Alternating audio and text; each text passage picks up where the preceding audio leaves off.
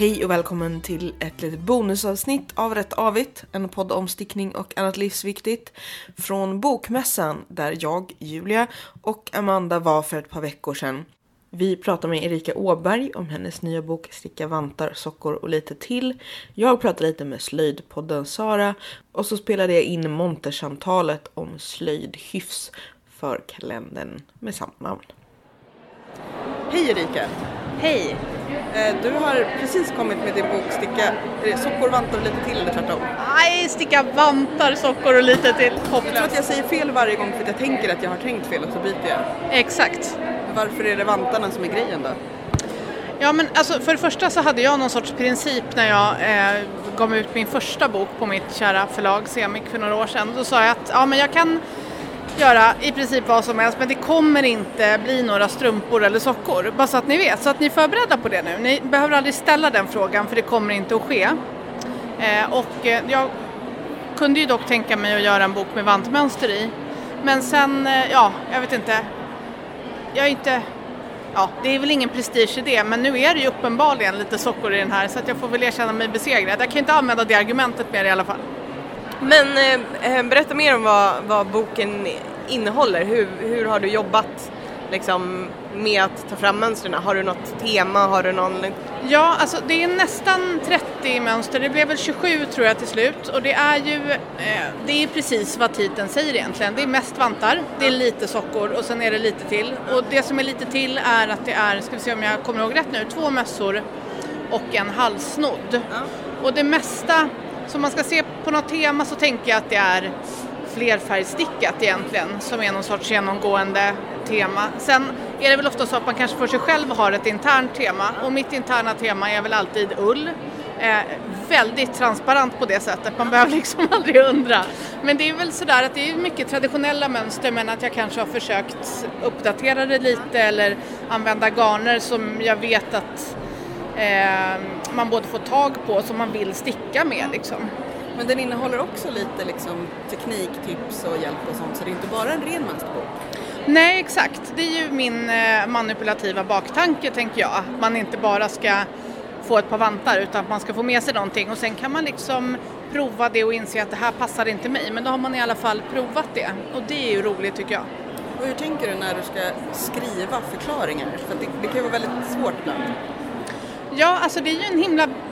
Det, det är ju en konst eh, och jag har fått mycket positiv respons, vilket är roligt eftersom att det kommer ut fler böcker och då är det bra om man kan sticka efter beskrivningarna.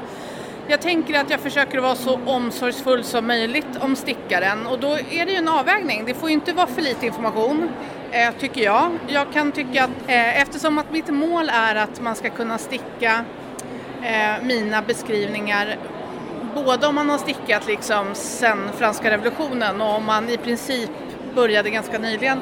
Då känns det som att jag kan inte heller skriva kanske eh, minska 14 maskor jämt på nästa varv utan då får jag hjälpa till lite och säga Och jag älskar dig för att du säger det.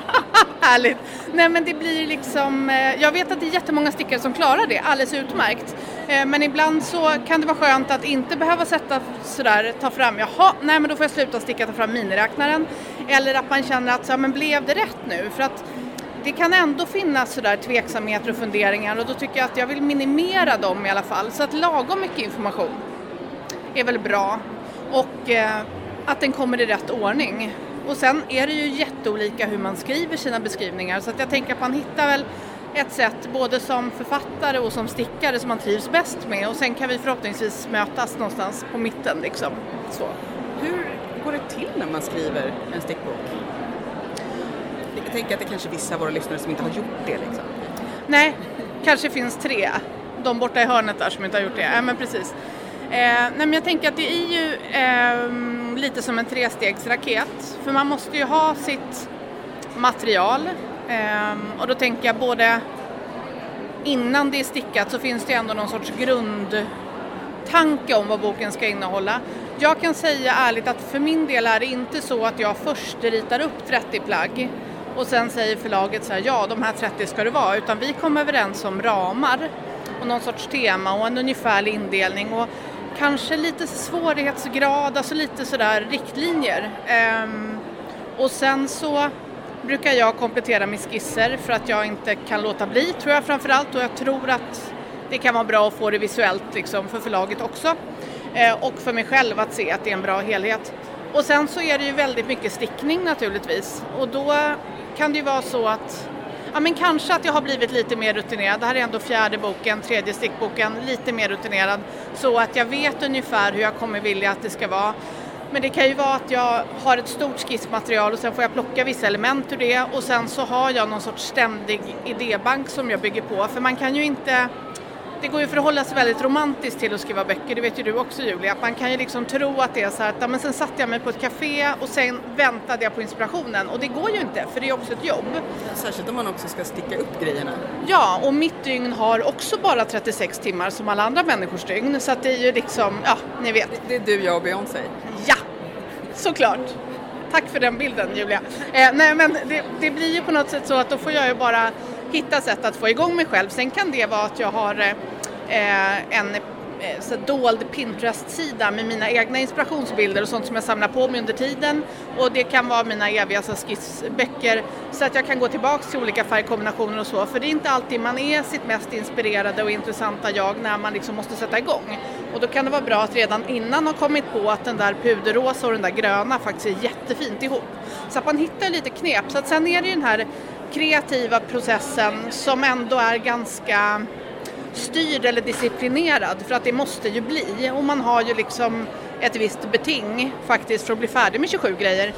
Och sen ska det stickas upp och varje vantpar stickas ju säkert tre, fyra gånger för att man kommer på att säga nej men det ska vara, det måste vara fyra varv resår till eller eh, jag kan inte ha den här uppläggningen som jag hade tänkt. Eh, för att man kan lista ut nästan allt i förväg och då har jag några teststickare. Jag skulle kunna eh, jag borde bli bättre på att fråga fler. För det är ju väldigt roligt också att ha en kommunikation med någon annan som ganska tidigt eh, tar del av ens tankar kring ett plagg. Eh, och sen så kommer ju, sen tror man liksom att man är färdig då när man har gjort alla anteckningar mer eller mindre tydligt, eh, mer eller mindre läsbart och så har man stickat allting men då ska det ju skrivas också. Eh, och då brukar jag tycka att det är ganska härligt. Eh, jag slutar inte sticka för det, för man slutar aldrig att sticka. Så funkar det ju inte. Däremot så måste man börja skriva lite mer hela meningar och inte bara i eh, anteckningsfunktionen i telefonen. Jag tror att det är där jag i princip skriver mina böcker. I princip i alla fall. Och så föra in det. Jag fråga om du använder sån här dikteringsfunktion i telefonen så du kan sticka och skriva boken samtidigt? Ja, men ja, alltså min son hävdar att jag borde använda Siri mer för att han liksom tycker att jag blir en trafikfara när jag leder cykeln och antecknar så här för jag kommer på att ja, jag måste skriva så här för att det ska eh, fungera. Men, men då tänker jag att han kan ju se till att jag inte gör något dumt i trafiken under tiden så får vi hjälpas åt. Nej men det är ju, jag tar ju, eh, man får ju ta de där tricken till hjälp för att det är ju som det är i livet, man kommer på små smarta grejer ibland. Men skrivandet, man måste ju tycka att det är roligt tror jag om det ska bli en bra bok. Eh, även om det är en hantverksbok så kan man ju inte liksom strunta i texterna. För ja, du har viktigt. ändå en hel del text. Det är liksom inte en så här, här är mönster och beskrivning och lite, utan det är, det är lite funderingar och känslor runt omkring. Ja, jag tycker att det är viktigt eftersom att stickning är en så stor del av mitt liv och många andra människors liv. Så, och sen så tycker jag att det är viktigt att sätta ord på det man gör. Eh, särskilt när man är den som gör själv. Eh, och det är roligt att ha samtal kring det och jag tänker att det finns så mycket kunskap eh, och när vi inte kan träffas sådär som, det vore ju underbart om vi kunde träffas varje dag och sticka, så kan jag i alla fall ge någon sorts impuls och prova nya saker och det är, eh, det är väl det som nästan är roligast med att göra böckerna. Hur, hur funkar det sen då? Får du bestämma hur bilderna ska bli till och liksom hur allting ska stylas? Eller står du bara bredvid och hoppar frustrerat? Nej, men jag har ju jobbat med en och samma fotograf nu i, i fyra böcker. Dels den första som jag gjorde tillsammans med Eva Trotzig och sen eh, Papperspyssel då som inte är en stickbok och sen de två senaste. Eh, och vi har ett bra eh, arbetssätt. Jag har ofta ganska mycket tankar om en del bilder och Malin Noma, som fotografen heter, hon har också tankar. Vi bor ju inte i samma stad längre eftersom att jag bor i Visby sedan två år. Så vi kör mycket med eh, direktfunktionen på Instagram. När man kan, det kan vara skisser eller bilder och sen så har vi en inspirationsmapp på Pinterest där vi skickar bilder till varandra så att vi gör någon sorts moodboard och så. Men sen är det ju så att när det ska stickas plagg så är det rätt bra om jag är med för att Malin är jätte, jätteduktig på att ta fina bilder och det är hennes jobb. Och jag eh, är mån om att rätt saker ska synas på plaggen så att man som stickare fattar hur det ska se ut. Och det, ibland är det samma bild men inte alltid. Så att det måste ju vara liksom både instruktiva bilder och fina bilder och sen stylar jag ganska mycket och ibland stylar Malin själv och oftast gör vi det tillsammans. Jag känner verkligen just det här när man bara, ja okej det här är en jättefin bild men jag förstår fortfarande inte hur axeln ser ut. Liksom. Mm. Nej, och just när det är sådär som, som i vantarna så är det ju med lite olika tumkilar och lite olika mm, uppläggningar och så, då måste det ju synas annars förlorar vi lite av poängen med det. Då är det ju bara, då kunde jag lika gärna ha skickat ut ett fax. Eh, eller ja, nej, men en text. Om man ändå inte ser vad, vad skillnaden blir. Och också att så här, förstå, ja, alltså att när man sitter och kan lägga sin egen stickning bredvid och bara okej, okay, det är på rätt väg. Men jag tänker hur, hur kommer förlaget in? Hur mycket åsikter har de om själva liksom mönster? Alltså, jag tänk, för jag jobbar ju som förlagsredaktör och då, är man ju inne, då kan man ju vara så här, det här slutet funkar inte. Sluta boken på ett annat sätt. Ja. Men det är, hur, hur mycket har de åsikter om själva mönstren på något sätt? Eh, ja men åsikter har de eh, och det efterfrågar jag för att det är också lite... Det skulle du skulle säga och det kan de ju ha. Ja, lite, och lite så är det också. Nej men det är väl, det är väl både och för att på ett sätt är det ju så att eh, jag ställer ju helst de frågorna innan som ni säkert förstår för när man har stickat de där 27 ja. grejerna så är det så dags... Fyra gånger var. Exakt! Då är det så dags då att komma och säga så här, men det hade ju varit schysst med det här. Så att jag tänker att vi har en löpande kommunikation hela tiden och jag eh, försöker göra det visuellt för att det kan också vara så här om, om ehm, om min redaktör inte stickar supermycket själv, nu, nu stickar min redaktör, men om hon inte eh, alltid vet precis vad jag menar när jag säger någonting. Jag, jag kan uttrycka mig på ett sätt som eh, jag tycker är glasklart. Eh, men då får jag komplettera det med en skiss och så bollar vi det lite grann så att vi liksom så att helheten är tydlig också för dem. Och det är klart att det är viktigt. Men sen så har jag absolut stort handlingsutrymme. Det har jag verkligen. Men det sker liksom under, under och efter dialog. Mm. Men hur funkar det då? Tar de in någon slags, om, om du har en redaktör som inte är så stickbevandrad eller vad man ska säga, tar de in en lektör som ser till att, att liksom texterna är förståeliga och mönstren funkar, alltså en, en, både en tech-redaktör för stickningen men också någon som kan, alltså för mönstren, men också någon som kan se, för det måste ju vara jättesvårt som redaktör annars. Ja, alltså det är både och. Dels så har jag ju knutit några personer till mig som, som eh, dels min vän Helene Wallin, så vi har ju hittat på mycket ofog genom åren och nu så har hon, eh, eh, hon är den som gör diagrammen till böckerna, vilket är superbra eftersom att hon är eh, känner mig så pass väl så att hon kan ställa frågor och förstå vad jag menar. Det är en bra poäng. Eh, hon är en väldigt van stickare och har stickat efter många olika sorters beskrivningar. Så att eh, i och med att, som i den här boken är det ju diagram till alla plagg utom tre tror jag. Och i och med att hon gör diagrammen så går ju hon igenom beskrivningarna också och då har vi en dialog så att nu har hon också varit faktagranskare i den här boken. Sen går det ut till lektörer också som är stickare som förlaget har kontakt med.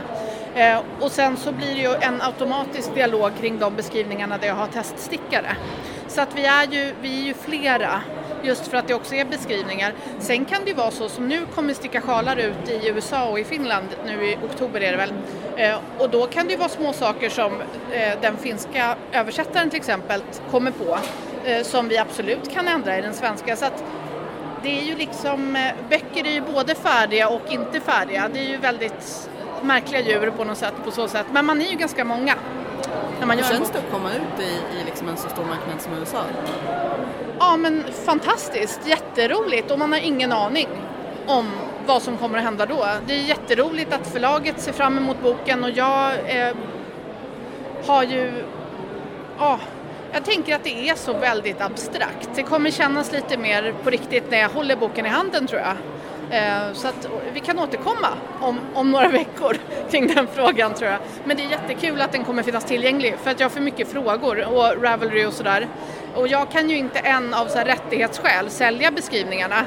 Eh, utan så funkar det att förlaget har ju rättigheterna under några år och då är det ju jätteroligt att kunna hänvisa till en bok istället för att bara säga nej tyvärr. Sådär. Jag blir ju verkligen så här, men borde inte förlaget fatta att det kan vara fett att kunna sälja mönstren styckvis och typ dela på förtjänsten eller någonting? Så jag tänker att det kan vara en tidsfråga eh, faktiskt. Så att jag, jag är ständigt hoppfull. Det, jag tror att det kan vara en fråga om infrastruktur också, att ha liksom, eh, om man är ovan som förlag att sälja via Ravelry så är det en helt annan grej att få med ekonomiansvarig på hur man redovisar det och med EU-moms etc. Åh gud, EU-moms. Eh, nu, det är väl det är väl ungefär en bok sen, en bok. Det är ungefär en månad sedan boken kom. Två, två veckor ungefär. Så det har liksom rasslat till fort här. Ja. Den har tagit slut här på bokmässan förstått. Ja, det var ju, eh, de såg lite sådär en blandning av glada och stressade ut precis när jag hade signeringen här idag. Eh, att det var bara några böcker kvar och sen var den slut. Eh, och det är ju jätteroligt. Ehm, och väldigt, som vi pratade om innan, att det är roligt att boken tar slut för det betyder att någon har köpt den. Det är tråkigt för det kanske betyder att någon går hem utan en bok. Men det är jätteroligt att den här typen av bok uppskattas. Och egentligen ska jag säga att jag inte är förvånad över det eftersom att det är mycket människor som handarbetar. Jag har ju hand om en sida på Facebook som heter Stickning som drivs av Studieförbundet Vuxenskolan i Stockholm och det är nästan 10 000 följare på den. Eh, och det är ju, jag menar, det är ju bara en sida. Sen har vi online stickcafé och alla andra grupper och stickare är ju, har ju alltid varit aktiva i sociala medier. Eh, och vi tar hand om varandra liksom. Vi blir glada ja, åt varandra, kan, kan jag känna från mitt perspektiv. Då. Absolut, absolut. Och det är ett generöst community liksom. Och det, jag tänker att eh, det speglas ju i alla sammanhang där vi träffas. Och jag, jag tror också att, för att om man är van vid Ravelry och van vid att sticka efter engelska mönster så kanske man inte tänker på det. Men det finns ju väldigt många som föredrar att sticka efter svenska beskrivningar. Utöver att vara generös, att man, man blir glad för att man får en bok med beskrivningar som är som man vill ha dem. Ja, verkligen. Och sen har jag ju haft förmånen att jobba liksom nära garnleverantörer som jag både känner personligen och som jag har stort förtroende för.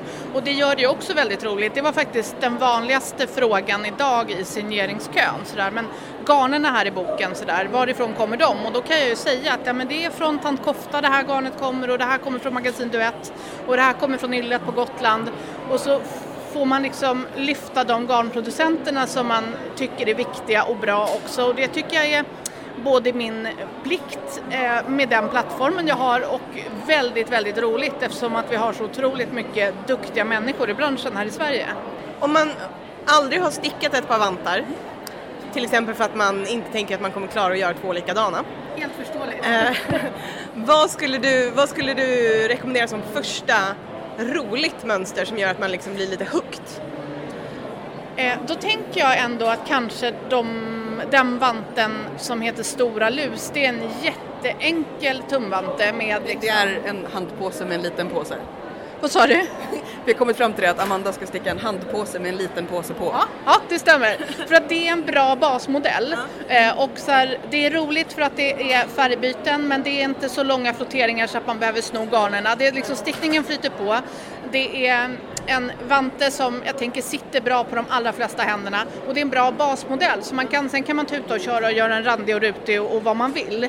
Men det är en bra basmodell och jag tror att det är bra att det blir någonting som man faktiskt vill använda direkt. Och sen kan man köra hårt med liksom mönstret och göra vad man vill mer och göra det till sitt eget. För det tycker jag också är jätteviktigt, eller för mig är det en viktig poäng att mina böcker handlar för mig inte om att jag ska visa hur duktig stickare jag är.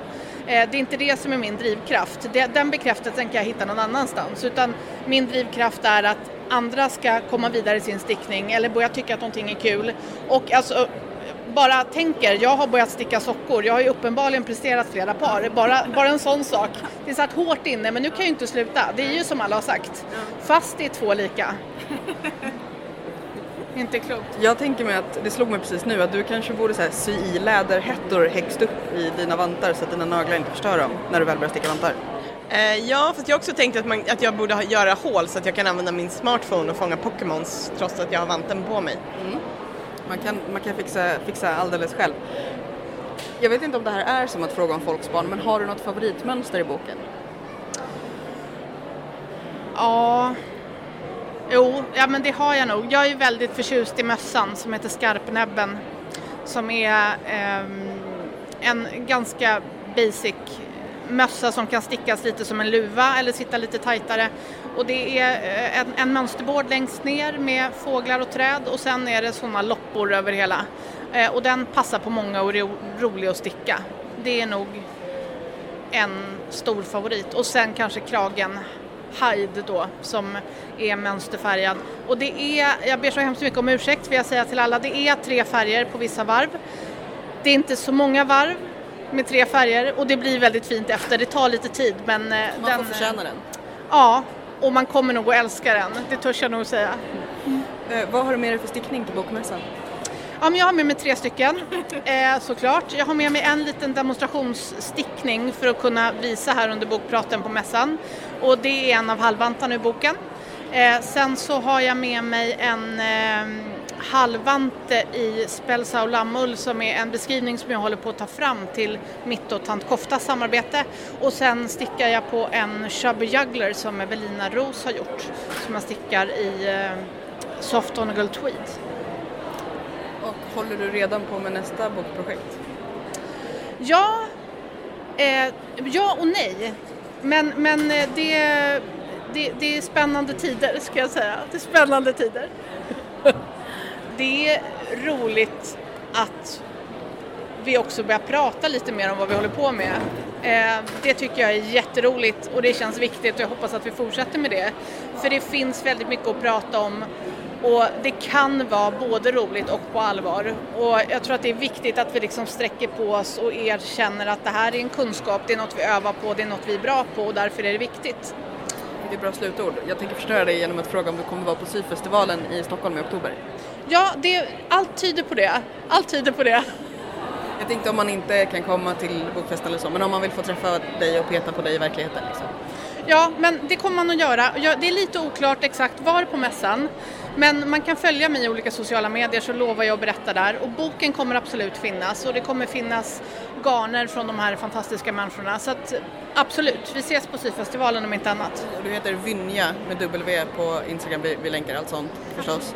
Eh, och boken heter Sticka vantar, sockor och, lite till. eh, vill du presentera dig själv? Ja.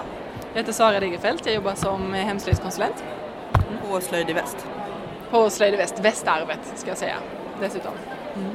Okej, Eller man, man lär sig snabbt, det är väldigt förvirrande allt det här. Ehm, du är också en del av eh, Slöjdlustar kallar ni det va? Mm, precis. Ja, det är jag och två kompisar som gör en eh, kalender.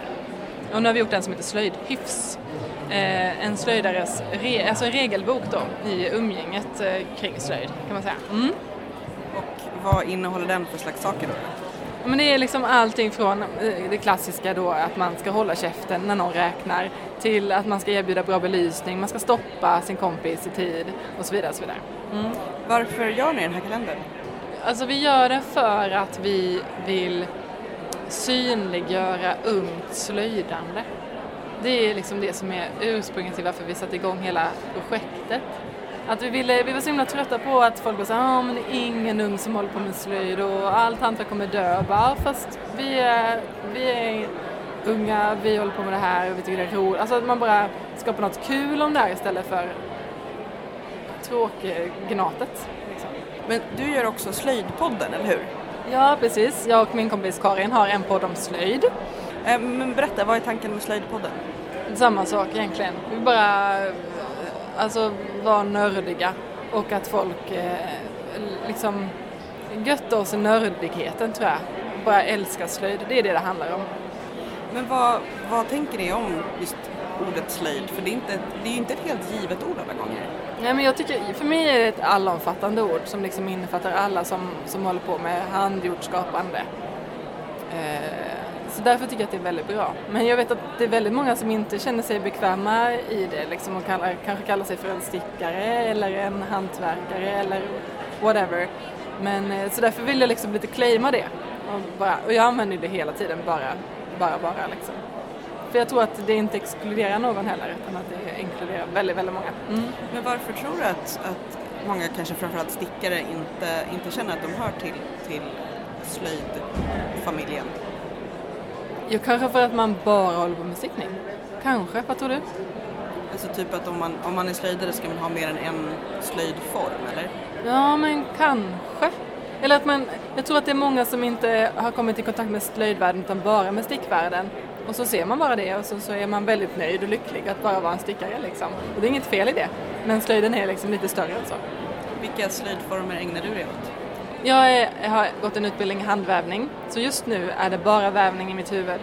Men jag jobbar som trä och metallslöjdskonsulent, så jag jobbar eh, med att främja trä och metallslöjden. Därför har jag också liksom, eh, försökt göra det till min, min slöjd.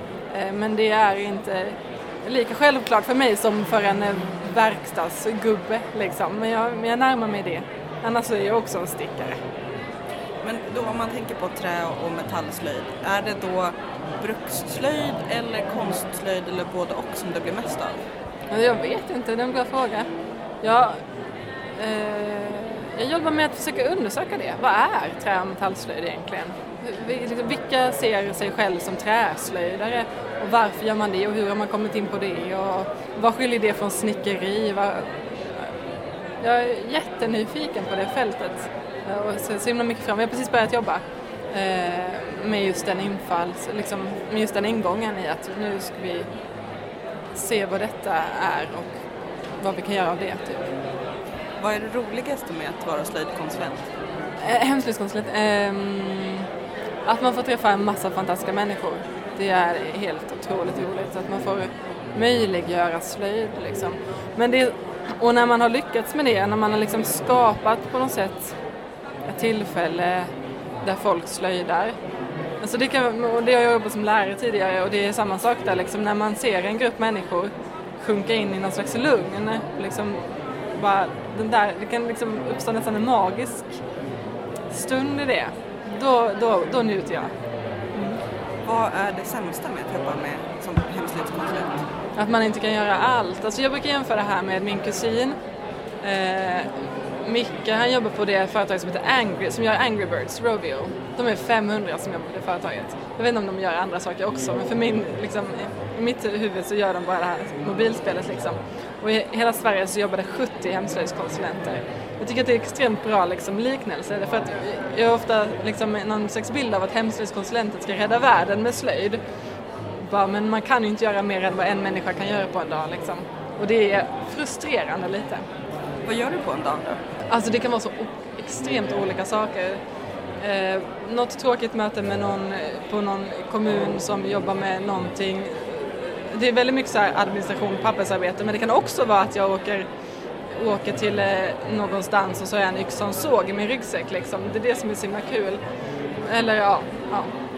Det är extremt svårt att, att ta på det här jobbet för det är så himla mycket olika saker.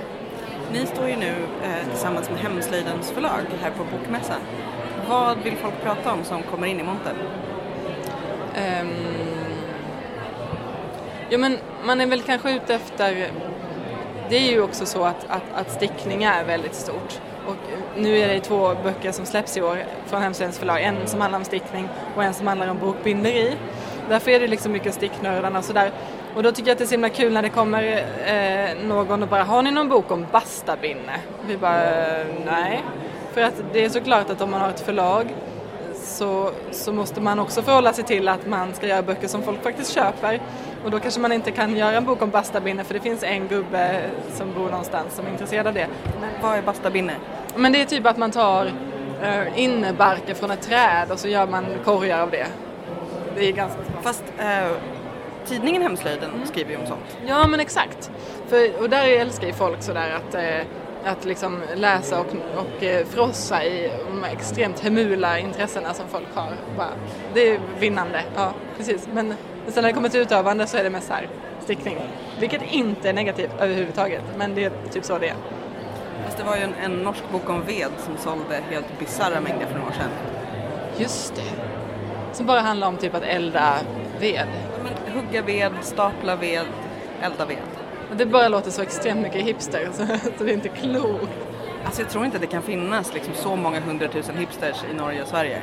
Jag tror ja, att det är mer gubbar. Ja, antagligen. Gubbarna och hipstersarna. Nu känner jag att jag är extremt fördomsfull mot de som håller på med träslöjd. Fast ved och träslöjd är ju inte liksom samma. Ja, men det tyder väl ändå på något sätt på ett intresse. Jag tänker mest att, så här, att ibland vet man inte vilka böcker som är för smala. Men ni har ju till exempel, jag såg på Instagram eh, ett kort videoklipp av någon som höll på och högg till en sked. Eh, eller en ske var det då, för han var skegubbe. Eh, som höll på att yxa till, yxade han hela skeden i montern? Mm. Ske-Anders, världens roligaste man, han, eh, han hade, tog med sig en klabb liksom. Och så, så eh, skulle han eh, göra den till en slev. Och jag blev också väldigt förvånad över hur länge han, han täljde med yxan liksom. För det var väldigt länge. Jag hade nog gjort så att jag bytt till, eh, till täljkniv mycket, mycket tidigare och sen behövt tälja bort hur mycket material som helst hela dagen. Men eh, det är nog så. Proffsen gör att man klyr, alltså man eh, hugger mycket. Hur, du har ändå liksom ganska bra översikt tänker jag för att ni hemslöjdskonsulenter pratar med, jag tänker att ni har en hemlig Facebookgrupp eller någonting. Hur skulle du säga att läget är för slöjd i Sverige just nu? Hur är slöjdläget som ni brukar säga? Just det. Slöjdläget är bra. Men jag tror också eh, att jag själv blir lite lurad. Därför att alla sociala flöden och sånt är ju väldigt riktade. Så går man in på sin Facebook eller på sin Instagram och bara, men herregud. Alla i hela Sverige håller ju på med slöjd. Och så är det bara alla på min Instagram. Att man blir lite lurad av det. Att det men att, och det är så kanske generellt att det finns liksom mer nischade grupper nu liksom och att det är mindre utbrett i det stora samhället. Men de säger ju att det finns en till exempel nu, när jag är inne på stickning igen, men att det finns en stickbok som liksom, jag pratade om det med någon häromdagen, som liksom har pikat och som inte verkar ge med sig. Vilket den har gjort tidigare. När saker gått upp som en spik så har det också gått ner som en spik. Men den här stickningsgrejen, den har gått stadigt uppåt liksom och samma sak med täljning tror jag kommer väldigt, väldigt mycket nu. Men när du sa att ni bara är 70 hemslöjdskonsulenter, skulle ni behöva vara fler eller behöver ni mer pengar eller både och? Jag tänker att ehm, ja men 500 som på Angry Birds kan man väl förvänta sig minst liksom. Men det är väl som med kultur i överallt. Det är inte så att det är det första man satsar på liksom. Det är väldigt eh, svårt att generera pengar till exempel. Vad tog du med dig för stickning till bokmässan? Vad jag har för med mig för stickning i bokmässan? Jag har en, jag håller på att sticka en babyskofta till en kompis. Det går så extremt dåligt. Jag har sällan haft så mycket oflyt i ett projekt som, eh, som det här projektet. Jag kan visa det sen. Vad är det som har hänt då? Nej men jag hade fel stickfasthet och sen så blev det en kofta som är lika stor som så att min treåring kan ha den fast den är typ till en bebis. Och så stickade jag om hela och så räckte inte garnet och det kunde jag räknat ut från början och bara det var så här, det går troll i det. Det är bara på grund av min egen klantighet liksom. Jag kan absolut inte relatera. Tack Sara för att eh, jag fick prata med dig. Ja, jätte, jätteroligt. Vi eh, är extremt stolta därför att det här är ju då släppet av Slöjdlustars tredje kalender, Slöjdhyfs. Och med oss har vi Julia Skott som samtalsgäst. Som, som gillar både lust men är dålig på hyfs. Som gillar både lust och... Jag tänkte att jag, jag representerar ohyfset i det här sammanhanget. Ja men det är Till exempel har superbra. jag ställt mitt stativ på kalendern. Ja men jag tycker det är jättebra. Men det Jag... kanske är så att ni då stöttar mig och lyfter upp mig? Ja, ja. Det är också trevligt. Absolut. Det heter Slöjdsnack det här Monteprogrammet och det här med slöjdsnack det är någonting som vi har kommit på i Slöjd i Väst, Elin som står där och har haft en många slöjdsnack för att vi har kommit på att eller det är ingen ny tanke, men det här med att prata om slöjd och slöjdande och om att vara en slöjdande person, det är också viktigt och det är också väldigt roligt. Så det är ett slöjdsnack om den här kalendern, om det här med hyfs i slöjdvärlden. Vi är en liten ideell förening, Slöjdlusta, det är vår tredje kalender som jag nämnde. Första hette Slöjd... Eh, Slöjdlusta, den hette Slöjdlusta. Eh, de försökte säga slöjdporr här bakom. Men det handlade alltså om att vi försökte undersöka det här sensuella i slöjden, det taktila. När slöjd, liksom upplevelsen av att slöjda är så intensiv att det vid det närmaste kan eh, Kan man. vi lämnar det så. Eh, nästa var slöjdsynder. Där vi undersökte de oskrivna reglerna inom slöjdande. Men när vi gjorde detta och utmanade alla de här oskrivna reglerna så upplevde vi att hela slöjdvärlden blev ett enda stort kaos. Därför har vi då gjort den här kalendern som en förhållningsregelbok för att återigen försöka tygla detta kaos som, som, liksom, ut, som liksom blev. Så. Man, man får ta sitt ansvar och då får man antingen avgå eller göra en kalender. Ja, och vi valde det senare. Så, över till slöjdsnack. Vi har försökt fundera liksom på det här med, i projektet då, det här med slöjdvänner och liksom för, det här med att ha slöjdvänner eh, och vad det betyder för slöjden. Har du några slöjdvänner? Det här är ju en extremt ledande fråga. Och vad betyder det för dig att ha vänner som... Nej, jag har bara människor runt omkring mig som pekar och hånar. Ja, just det. Det finns, det finns liksom två läger, de som förstår slöjd och de som inte gör det. Nej, nej, alltså mina stickande vänner. Aha. Nej, jag har, jag, har, jag har till exempel Amanda här, min vän som är med i podden, Rätt Avigt. Eh, och vi, vi är fem stycken och så har jag några vänner till som, som ägnar sig åt olika former av liksom hantverk, fiff och pyssel och pussel och sådär. Eh, och det är, det är jätteviktigt tror jag. Sen tror jag att det behöver inte vara människor man har fysiskt omkring sig alla gånger. Nej. För att det, det kan vara precis lika givande att liksom människor på Instagram eller liksom på en blogg ser vad man håller på med eller på Facebook. Det är så public service, det finns många sätt att ha vänner. eh, men som ser vad man gör, som Ja, peppar precis. en, kan komma med tips, som hurrar när det är klart. Som kanske också säger så här: nej du, du ska repa nu för att du kommer inte bli, det där felet kommer inte vara mindre fel när ärmen är slut. Ja, liksom. precis. Ehm, och de på internet är ibland snällare än ens riktiga vänner. Eh, men, men just det här att ha lite grann som ett, så här, ett mål eller en deadline för att här, kunna visa upp det eller ha med sig det till ett visst tillfälle eller i vårt fall då att ha någonting nytt att prata om i podden så att Just det inte är samma jävla tröja i sju avsnitt. Precis. Men, men också bara det här att känna att man har det blir lite dubbelt också, eller liksom det blir åt andra hållet också därför att eh, slöjden blir en väldigt praktisk ursäkt att träffas. Ja. Att man har kanske någonting liksom regelbundet, så här, samma dag varje vecka. Precis. Eller att, att man liksom har, för det, det blir väldigt lätt att alltså, man måste ha något att skylla på. Så här, Födelsedagar, begravningar, alltså någonting att träffas för. Och då är liksom att handarbetet veta så här, men vi har liksom pysseltisdag eller vad det nu är, Precis. är kan bli en, en väldigt bra grej där också. Precis. Men också, också just att ha någon som är antingen liksom sansens eller osansens röst i ens huvud beroende på vad det är man behöver hjälp med just då. Jag minns en gång Malin när du och jag satt på tåget och jag möns flerfärgstickade. Och du satt och sa, vad, vad gör du? du? Du ska inte snurra så, du ska, du ska inte göra så, du ska inte göra så, du ska inte göra så. Nu måste man spänna. Jag, jag vet inte om jag sa att du skulle ändra på det. Jag gav dig lite hjälpsamma tips. Jag kände mig lite kränkt.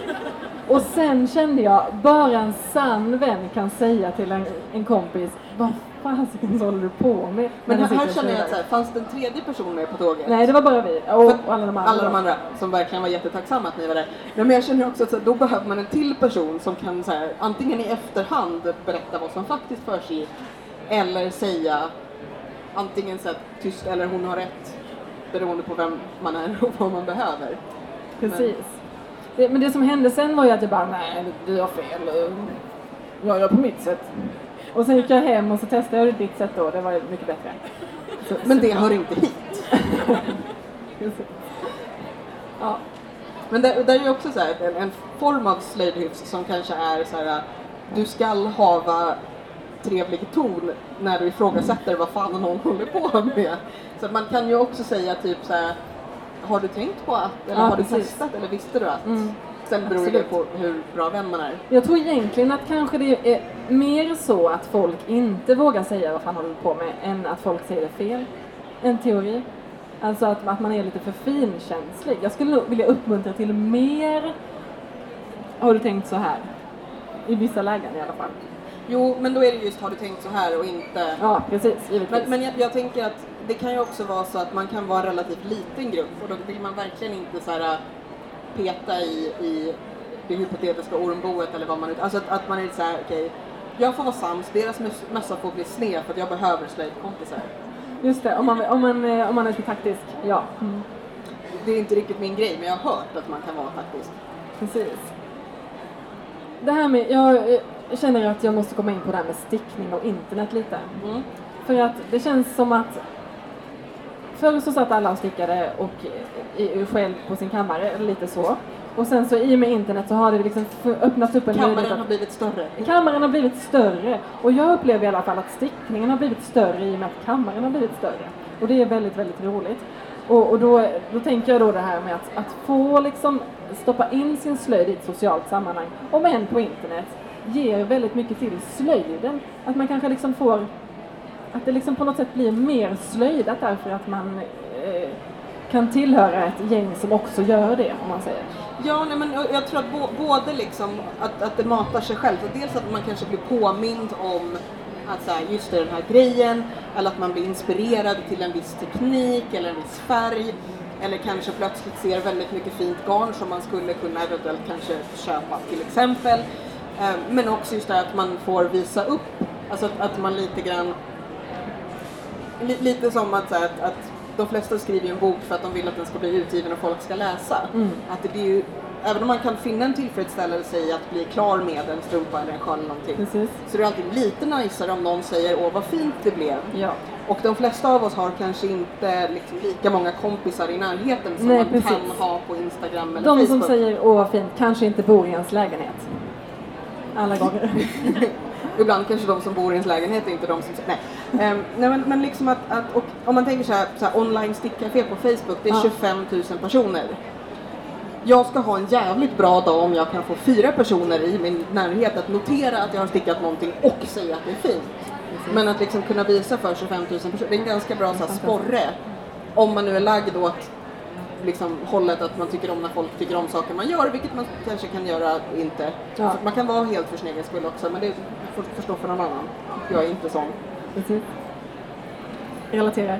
Men, men, men också just det här tror jag att, att internet har gjort att slöjd har växt generellt för att just man upptäcker saker som man inte visste om, man kan hitta resurser. Alltså om man tittar framförallt på stickning så har man ju utöver Instagram och Facebook-bloggar så finns ju Ravelry Ja. som gör att man kan hitta jätte, jättemycket mönster och hjälp och liksom, att den, den blir ett sånt resurspaket. Precis. Eh, Men även utan det, att hitta så här, ah shit, här kan jag hitta liksom gulddekorfärg till min keramik, det visste jag inte. Eh, Och här, liksom att, att man får plötsligt möjligheten att både hitta inspiration och tekniker, hjälp och material. Alltså, man tänker sig Youtube, det är inte bara så här, jag, jag kan både lära mig att liksom byta någon del i en bilmotor, jag har visserligen gjort det. Eller liksom den här sticktekniken kan jag nu göra. Eller så här, aha, om man, om man använder limpistolen så här så funkar det mycket bättre. Eh, och det är ju svincoolt att man känner så här, man behöver inte alltid, man kanske inte har liksom en stor slöjdorganisation där man bor, man kanske inte gillar folk, man kanske liksom inte, utan att, att man kan, kan hitta precis de resurser man behöver när man behöver det. Jag kan få hjälp med en konstig tå två på natten om jag vill. Liksom. Helt För fantastiskt. att Amanda gillar inte när jag ringer henne två på natten. Konstigt. Dålig slöjdvän. Jag tror vi gör så att vi avrundar. Och i din bok så skriver du om hur många turkosa nystan kan man ha? Kan en så här person som bor i ens lägenhet fråga sig. Och vi tänkte, man kan aldrig ha för många turkosa nystan. Ursäkta, det var ett pip. Du har skrivit en fantastisk bok. Ja. Eh, Hela stickcommunityt tackar för den. Yes, den finns här. Eh, Den finns här. Och här finns också vår kalender. Ni får jättegärna komma in och kika på den. Det är de bilderna vi har presenterat. Precis. Eh, Och vi slöjdlyssnare tackar för oss. Tack för att du har lyssnat på det här specialavsnittet av Rätt Avigt. Vi är tillbaka igen med ett vanligt avsnitt ganska snart. Eh, och tills dess så får du komma ihåg att prenumerera, gilla, kommentera, allt sånt där kul som man alltid gör. Eh, vi finns på rättavigt.se på Facebook och på Ravelry. Hej då!